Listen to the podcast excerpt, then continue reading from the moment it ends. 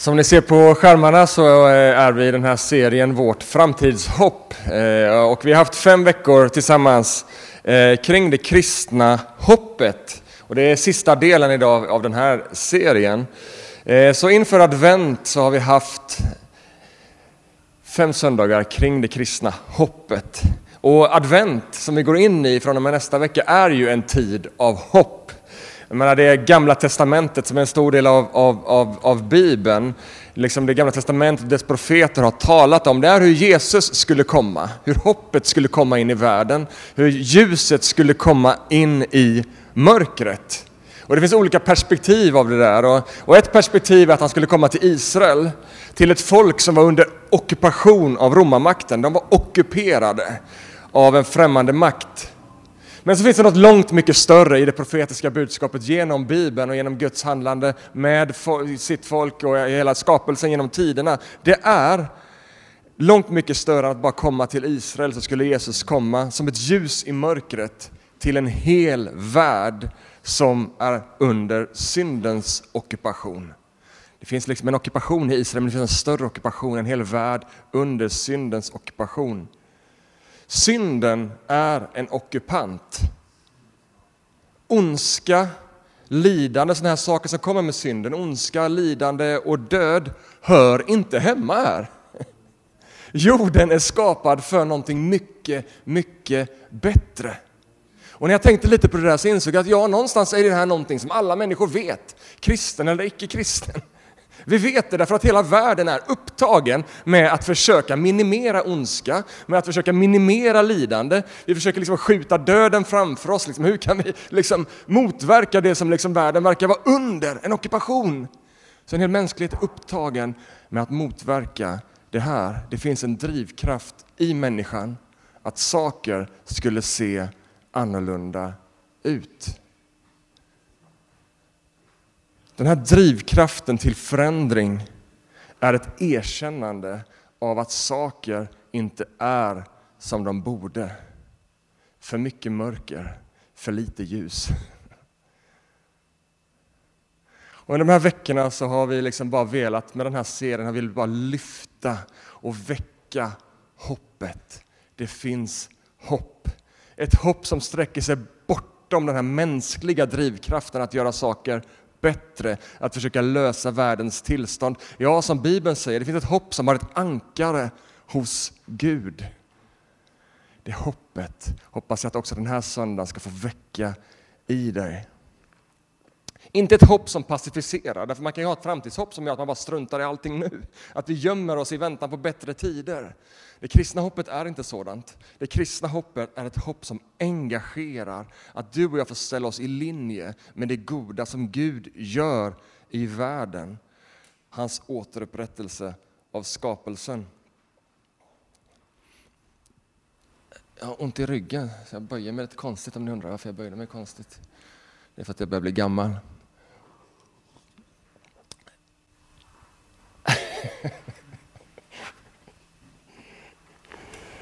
Dagens text som vi har hört läsas talar om just detta, om hopp, men också om förnyelse. Ganska härliga begrepp, eller hur? Hopp och förnyelse. Vem vill inte bli förnyad? Vem vill inte bli vitaliserad av hoppet? Det är min bön att du ska få bli idag. Jesaja, som jag tror har skrivit den här texten, vi läste från Jesaja bok, kapitel 40, skrevs till Guds folk.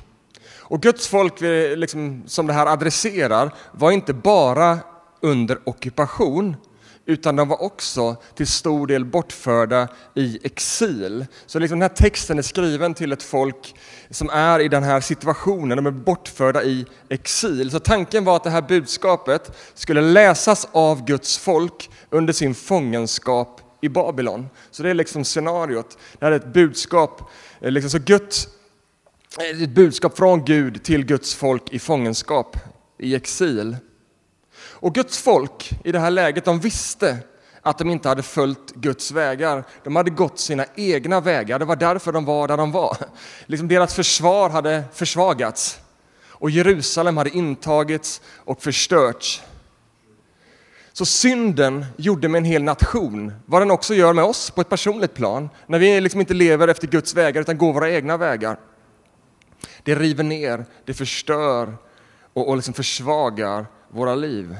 Och Det kan ju verka så bra, våra egna planer. Jag har egna idéer, det är bra. Men liksom att gå på sina egna vägar som liksom är stick i stäv med Guds vägar, så tänker man att ja, men där, liksom, det, här, det här kommer frihet och glädje finnas om jag bara får göra som jag själv vill. Om jag får styra över mitt eget liv, vara herre över min egen lycka. Tror man. Det trodde Israel också, men här var de nu. Här var de i exil, långt borta från sitt hemland och den plats som Gud hade tänkt för dem. Och när man liksom läser sammanhanget och förstår situationen och de texterna som finns om det här så kan man liksom ana inte bara ana, man kan känna känslan av förvirring, av trötthet, av hopplöshet. Och säkerligen kände de också skuld. Vad har vi försatt oss i? Och frustration. Och liksom, när man är i det där läget så kommer liksom känslan ännu mer smygande över liksom, och frågorna kommer smygande. Är det över nu? Är den där goda säsongen i mitt liv, är det förbi nu? Tillhör det historien? Och i deras perspektiv, Jerusalem är förstört. Allt det som vi har hoppats på, allt det som vi har byggt upp och trott på, är det bara borta nu? Frågorna är många. Finns det någon väg tillbaka? Är hoppet ute? Är det kört? Har Gud övergett oss? Har vi någon framtid som Guds folk? Hopplöshet börjar liksom äta sig in i deras tankar och själar. Och det är i de här lägena som det sätts på prov.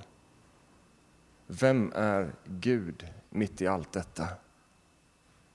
Är Gud en nådefull Gud också när vi har ställt till det? När vi har gått vår egen väg, när vi själva har strulat till det, lämnar Gud oss i vår hopplöshet? Då vill jag att du ska lyssna till hur hälsningen ifrån Gud lyder till folket i exil, till de som har trasslat till det, till de som har strulat till det. Det är som att Gud ger dem ett brev. Han skriver ett brev av hopp rakt in i deras förtvivlade situation. Kapitel 40, som vi inte har läst än i, alltså i början, vi läste slutet av det, börjar så här i vers 1, där Gud säger trösta, trösta mitt folk, säger Gud. Uppmuntra Jerusalem och säg att deras trältjänster är över, deras skuld är försonad. In i situation av hopplöshet, de har själva strulat till det, de har hamnat där de har hamnat, i exil. Trösta, trösta mitt folk. Tala vänligt, tala uppmuntrande till Jerusalem. Skulden är försonad. Sådan är Gud. Den Gud som Bibeln proklamerar och uppenbarar och som Bibeln säger är den enda guden, allt annat är avgudar och falska idéer. Sådan är Gud. Vad har du för bild av Gud när du har strulat till det? Eller vad har du för bild? Kanske inte du känner dig värdig, kanske inte du känner att du passar in. Kanske Gud, hur kan Gud vilja ha med mig att göra? Gud, han är nådefull, han överger oss inte i våra misslyckanden, utan han kommer till oss. Ingen annan Gud är som Bibelns Gud. Inga andra livsfilosofier möter oss i vår förtvivlan med en sådan upprättelse, med sådan nåd och sådan godhet. Hopp. Det kristna budskapet är ett budskap om hopp. Att det finns hopp och detta hoppet har fötts in i världen och kommit till oss genom Jesus Kristus. Jesaja 40, hela det här kapitlet som jag har läst om idag, som predikan utgår ifrån, beskrivs ibland som ett av, av Bibelns mest uppmuntrande kapitel. Hela kapitel 40, man läser hela det, är ett långt kapitel som vi hade kunnat läsa om vi hade haft tid. Men det fortsätter med att inte bara beskriva Guds nåd, utan också Guds storhet. Hur kan Guds folk mitt i förtvi hur kan Guds folk lita på Gud mitt i förtvivlan? Hur? Därför att Guds tröst är långt mycket mer än bara empati. Guds tröst är rotad i hans oändliga makt och hans löfte om frihet.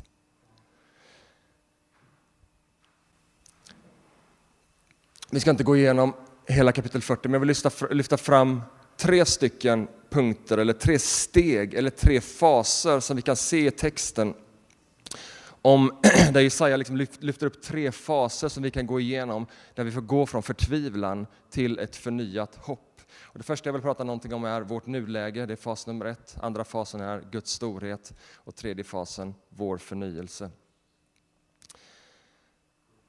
Vers 27 som vi redan har hört. Hur kan du säga, du Israel, klaga, Herren ser inte till mig, min Gud tar sig inte an min sak.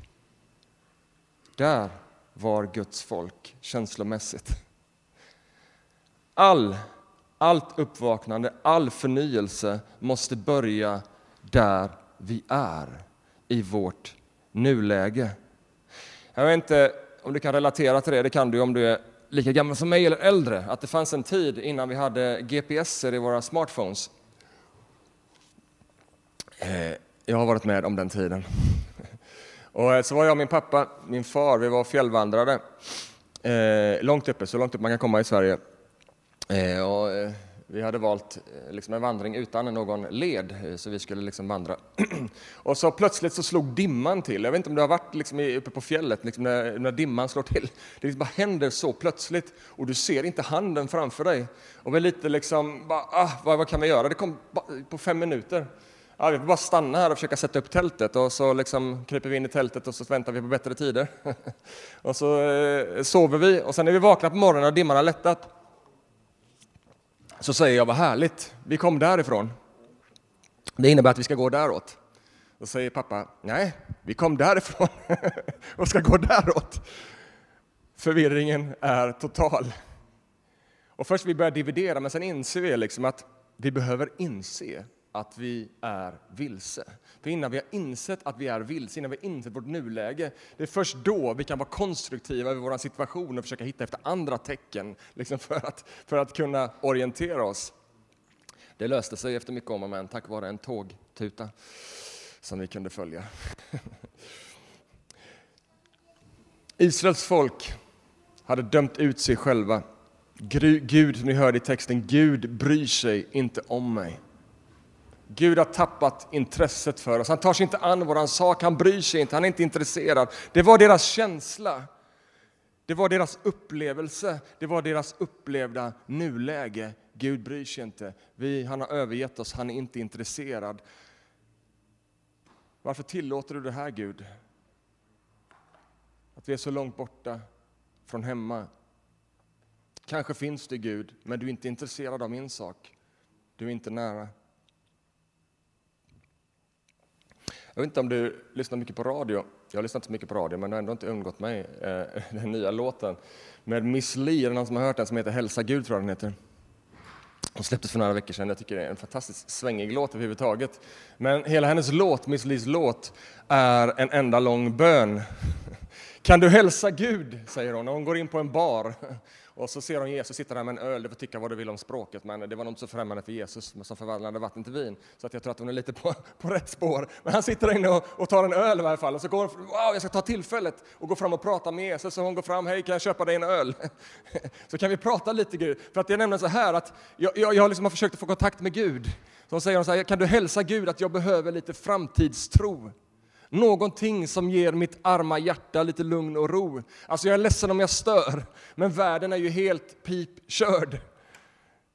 Jag bjussar på en öl om du kan hälsa Gud att vi bara behöver lite hopp. Lite mindre krig, lite mindre svält och fattigdom och hat och sånt. Varför ska vi vara här på jorden om allt bara är en enda misär? Kan du hälsa Gud det här? Vilken härlig bön tycker jag. En ärlig bön. Jag har liksom ingen aning om Miss Li och hennes liksom förhållande till Gud och tro och sådana där saker. Men för mig så är hela låttexten en ärlig och uppriktig bön och frågor till Gud. Och så kan man tänka sig, kan man be så här? Kan man vara så liksom rakt på sak? Och jag skulle vilja hävda att det är precis så vi ska vara. När man bara uttrycker det som är på ens hjärta så som man känner. Jag vet inte om du, om, liksom, om, du, eh, om du har varit kristen länge så kanske du har läst Saltaren som vi dessutom bar tillsammans här innan ett stycke ifrån. Och, och många sal, sal, salmer är skrivna av kung David som i Bibeln beskrivs som en man efter Guds hjärta. Alltså någon som levde liksom i linje med Guds tankar. Och så börjar man läsa hans psalmer. Och ibland kan man känna att det är liksom underbart och Gud är god och livet är bra. Och det så här liksom. Men ganska ofta långa passager av frustration, av ilska, av liksom, det kommer ut saker, liksom, bara, hur kan du säga så här? Och liksom, det, är, det, det är ångest och smärta. Och så kan man fråga sig, hur kan det där finnas? Ibland så upplevs det nästan som att läsa heresi, när liksom han uttrycker sina böner. Och så kan man säga, hur kan det där vara inkluderat i Bibeln?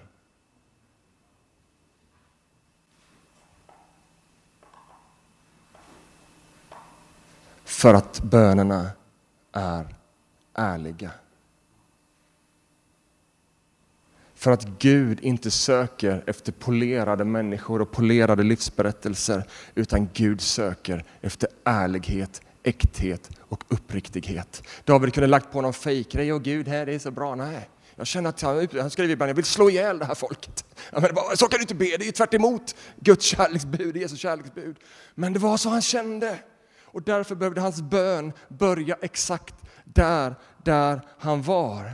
C.S. Lewis, en sån här liksom gigant, eh, inom liksom, han var professor i, i litteratur, tror jag. Men också teolog och, och liksom en filosof. Eh, och han har uttryckt så här, vi måste komma till Gud med det som finns i oss, inte med det som borde finnas i oss. Hur ofta kommer du inför Gud med det som du borde, det här vill nog Gud höra. Gud vill inte höra vad du tror att han borde vilja höra, utan Gud vill höra precis det, det som liksom finns där överst på ditt hjärta.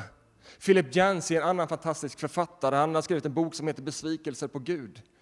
Eh, spännande titel. Och han säger så här, kasta på Gud din sorg, din ilska, dina tvivel, din bitterhet, dina svek och dina besvikelser. Han kan ta det allt. Han kan ta det allt. Att erkänna vårt nuläge inför Gud, det är bönens nödvändiga utgångspunkt. Det är där äkta bön börjar. Men samtidigt vill jag säga, då liksom kommer vi in på nästa fas här, att nuläget är inte vår slutdestination, det är inte slutmålet i bönen. Utan Gud vill leda oss från första fasen, liksom av vårt erkännande av vårt nuläge, in till nästa fas där vi riktar vår blick mot Guds storhet. Vers 28. Vet du inte, fortsätter Jesaja, har du inte hört vem Gud är? Har du inte hört att Herren är en evig Gud som har skapat hela jorden. Han, han är inte som oss. Han är annorlunda. Han blir aldrig trött och svag och ingen kan utforska hans förstånd. När hoppet är ute, har du varit i det läget någon gång? Man bara känner, nej, det finns ingen utväg ur en situation, eller hela livet kan kännas så ibland och du hamnar i djup förtvivlan. När vi inte själva längre kan se någon utväg. Om inte Gud finns, min vän, vart ska vi då rikta våran blick? När allt hopp är ute. Inför vårt sista andetag. Det finns ingen fortsättning. Vart ska vi då rikta vårt hopp om inte Gud finns? Vart ska vi vända oss för att få hjälp, för att få tröst? Tröst som är mer än bara empatiska ord. För det kan du få, empatiska ord. Och det är härligt, det är fint. Men Gud kan ge mer än bara empatiska ord. I Israels förtvivlan, i exil, när de är på den platsen de inte borde vara. Bra, här finns frustration. Jag hör den, säger, säger Gud genom Jesaja. Men så hjälper han dem att i sitt frustrerande nuläge rikta sin blick emot vem Gud är. Att bara erkänna sitt tillstånd, det kan leda till mer förtvivlan och mer hopplöshet. Det kan grotta ner det, det bara blir mörkare, mörkare och mörkare. Vi behöver samtidigt i vår bön röra oss vidare och rikta vår blick mot han som är mottagaren för bönen. Vi ber inte ut i tomma intet, det är inte så att vi bara ber som en terapeutisk metod. Vi ber inte till en okänd Gud.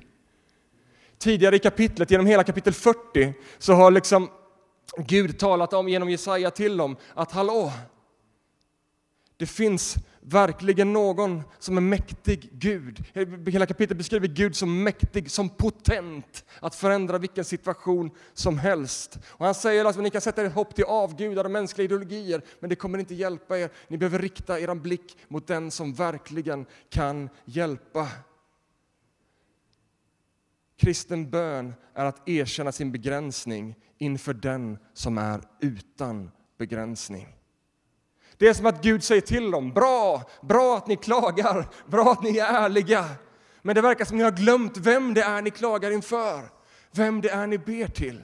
Ni har kommit till Herren, säger Jesaja. Ni har kommit till Herren, han som är evig. Ni har kommit till han som har skapat allt som ni kan se och inte kan se. Ni må bli trötta. Ni må uppleva svaghet, men han ni kommer inför, han som ni ropar till era böner, han blir aldrig trött. Och svaghet, nej, det känner han inte. Trösta, trösta mitt folk, tala milda ord, tala uppmuntran, säger Herren. Vem som helst kan visa tröst och omtanke, men vem som helst kan inte backa upp sin tröst med all makt i himlen och på jorden. Är ni med mig? Bön är att komma inför honom som tål att höra allt, men som också har makt att förändra din situation. Hela kapitel 40 beskriver en Gud som är annorlunda, som är så stor och mäktig att han mäter upp himlarna mellan sina fingrar, att han håller alla världshaven i sin hand. Är ni med mig? En Gud som är mäktig. En Gud som till och med vet namnet, säger texten, på många miljoners biljarders stjärnor. Skulle inte också han känna ditt namn? Skulle inte också han bry sig om dig? Skulle inte också han ta sig an din sak? Minns du orden som vi bad i psalm 121 tillsammans med Pierre här innan i början av vår gudstjänst? Han som bevarar dig han slumrar inte. Han som bevakar Guds folk, han sover aldrig.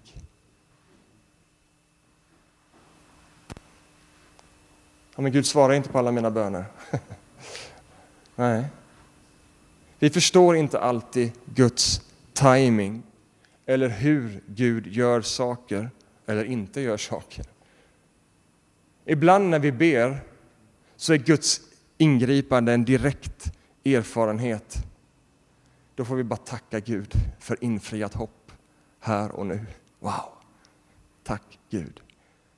Ibland så är det ett löfte vi får hålla fast vid. Vi får leva i hoppet och löftet. Vi får hålla fast vid den tröst, den tröst om vem Gud är och den tröst som Gud ger. Jag menar Israels folk, det här folket som vi läste om, som det här skrevs till, de var i exil i 70 år. De fick lära sig att leva av hoppet, hoppet om frihet. Men samtidigt så var Gud också närvarande i exilen. Han var inte frånvarande. Ibland så känner du att jag är inte det jag borde vara, Gud känns långt borta och Gud jag vet inte vad det är.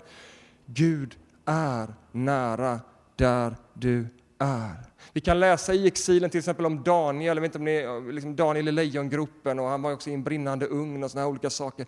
Gud var närvarande, men det var fortfarande exil. Det var fortfarande inte hemlandet, det var fortfarande inte som det borde vara. Det var fortfarande inte sitta med, liksom, med pappa Gud över en måltid och dela livet. Det var, inte fort, det var inte som det skulle vara.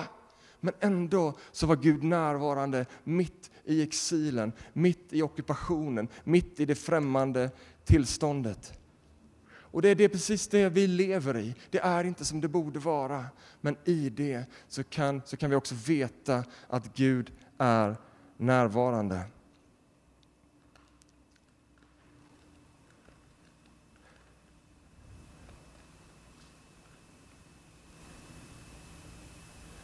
Så det finns ett, det finns ett hopp som sträcker sig framåt.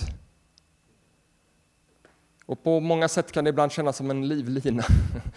Liksom att hålla fast vid tills den dagen han kommer åter. Men det är så långt mycket mer än livlina. Vi hörde Joel tala om det förra veckan, att, tror jag det var, eller förra, förra veckan, att redan nu har, det, har Jesus brutit in genom sin död och uppståndelse, brutit in i tiden. Så även om det inte fullt ut är som det borde vara, även om inte all ondska och synd är utplånad, så har han brutit in så att vi redan nu kan få uppleva hans närvaro. Redan nu kan vi på olika plan få uppleva hans ingripande. Men inte i fullhet. Så vi får leva i spänningen av att hålla fast vid hoppet och att ibland se infriat hopp. Och det här leder oss fram till sista fasen i texten och i min predikan. Och lyssna nu till Jesajas ord om den förnyelse som finns i Guds närhet. Vers 29.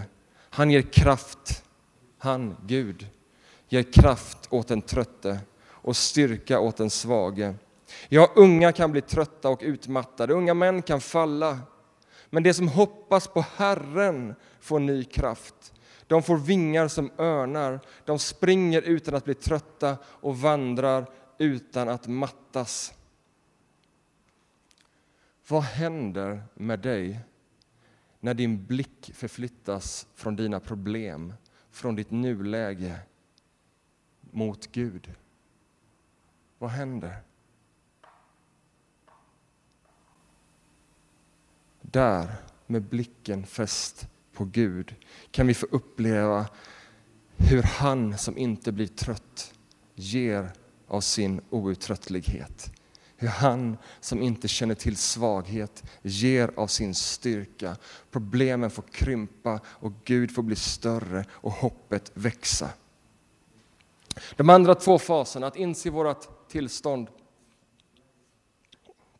och att liksom börja fokusera på Gud, ja, det är fasen som vi på något sätt kan ha kontroll över.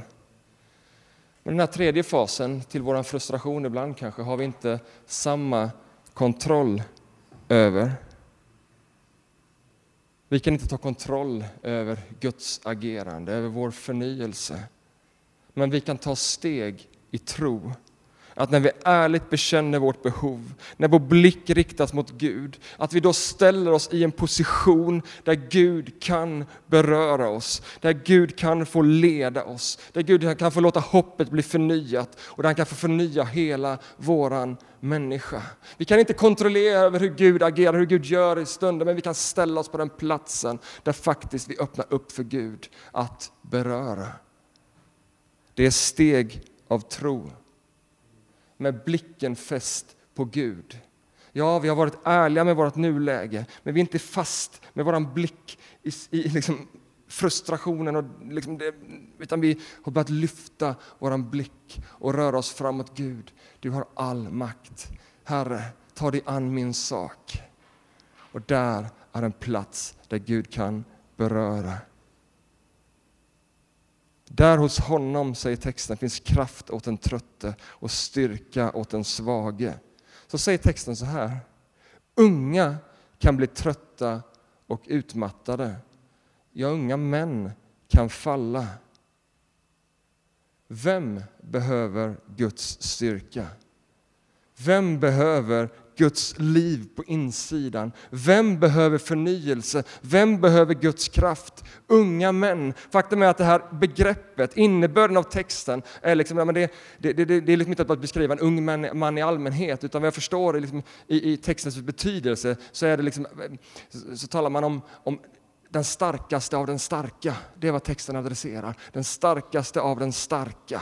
Alltså som en elitsoldat på den tiden. Liksom. Den starkaste av de starka. Också den starkaste av de starkaste behöver Guds hjälp. Vem behöver Guds hjälp? Behöver jag? Du kanske känner, jag behöver inte Gud, jag klarar mig. Vad texten säger är att också den starkaste av den starka behöver Guds hjälp. Också den starkaste av den starka kan falla.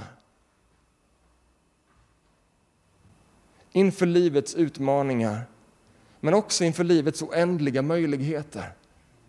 Man man tänker på Guds kallelse med ditt liv, att vara med och leva för hans liksom, återupprättelse av skapelsen och sprida kärlek i en värld som är fylld av liksom, hat och problem. Men det är en oändlig utmaning. Inför både liksom, livets utmaningar och dessa möjligheter så behöver vi Guds hjälp. Och kanske är du just där idag. Du känner igen dig i Israels frustration och förtvivlan som vi har hört om i texten. Då vill jag säga, du är inte ensam. Vi är alla där from time to time. Kanske känner du dig vilsen. Kanske känner du dig övergiven. Kanske undrar du, Gud, var är du? Kanske är du trött. Trött på världen som sådan. Trött på krig, trött på pandemier, trött på lidande, trött från arbete, trött på tvivel, trött på intryck, trött på novembermörkret, trött på att det är kallt, trött på att vara trött, trött på att det var länge sedan som Gud upplevdes så där nära. Kapitlet börjar med orden trösta, trösta, uppmuntra mitt folk. Och kapitlet slutar med orden det som hoppas på Herren får ny kraft. Det får vingar som örnar. Det springer utan att bli trötta och vandrar utan att mattas. Trösta, trösta. Trösten är inte bara att vi får säga som det känns. Trösten är inte bara att Gud är stor och mäktig. Trösten är också att Gud är nära den som söker honom. Att när vi kommer med våra behov så kommer Gud med liv och förnyelse. Det som hoppas på Herren får ny kraft. Det här ordet hoppas kan också betydas och översätta, den hebreiska betydelsen är också de som väntar på Herren. De som hoppas och de som väntar på Herren. Att förtrösta på Jesus innebär inte att väntan försvinner. Men det innebär att väntan inte är för evigt. Du tycker du bara väntar, du väntar, det händer ingenting. Väntan är inte för evigt. Men det finns en väntan och ibland undrar vi, Gud varför dröjer du? Jag har inte alla svar på den frågan, jag önskar jag hade. Men det vi kan förstå av texten är att om vår blick är fäst på honom så kan också väntan bära någonting gott. Och oavsett när förändring sker, för det kommer att ske, oavsett när det sker, så kan vi också veta att i den här väntan så är han ändå nära. Och sen finns det också en dimension av att vänta i hans närvaro. Och vi går in i slutet av vår gudstjänst, vi ska ha liksom nattvard och, och eh, stillhet och lovsång. Och vi vill bara dröja kvar i hans närvaro. En plats där han vill förnya dig. En plats där han vill beröra dig. En plats där Gud vill ge dig sitt hopp. För hos Gud finns ny kraft. Och när jag förberedde det här så kände jag som, som om Gud talade till mig. Om att det finns människor här idag som kanske känner sig vinklippta. Texten talar om en örn som får nya vingar. Du kanske känner dig vinklippt, men den helige Ande säger till dig att han vill ge dig nya vingar som örnen. Han vill ge dig förnyad styrka. Och det här liksom med nya vingar, örnen, vad jag förstår det som, så gnuggar de av sig gamla vingar som inte längre bär. Gamla vingar som inte riktigt fungerar som de ska. De, de gnuggar bort de där vingarna och så växer det ut nya fjädrar så att den blir ung på nytt. Lyft dina vingar på nytt min vän. Herren vill ge dig nya vingar. Herren vill komma med styrka in i din situation. Herren vill vända din situation av förtvivlan till en förtvivlan av hopp. Till en plats där du får uppleva förnyelse ifrån Gud. I Guds närvaro kommer bojor som har hållit dig tillbaka trilla av. Trötthet och tvivel kan rinna bort. Ny styrka kan du få uppleva så att du kan få fortsätta framåt utan att tappa modet. Förnyat hopp. Men det som hoppas på Herren, de som har blicken fäst på Gud och väntar på Herren ska få ny kraft. De får vingar såsom örnen De ska springa utan att bli trötta och utan att mattas. Ska lovsångsteamet komma fram?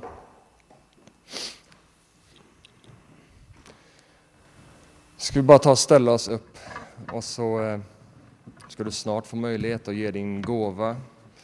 Men eh, innan dess så ska vi bara ta en stund i stillhet och låta den helige Ande få betjäna dig. Den helige Ande vill tala till dig. Den helige Ande vill beröra dig, förnya dig och komma till dig. Så nu vill jag bara be en enkel bön som kristna har bett genom hela historien. En bön om att den helige Andes närvaro ska komma och beröra. Helig Ande, kom. Kom helig Ande och berör och tala liv och betjäna. Ge vingar såsom örnens vingar, nya vingar, Herre. Kom med styrka och kraft. Kom, helig Ande.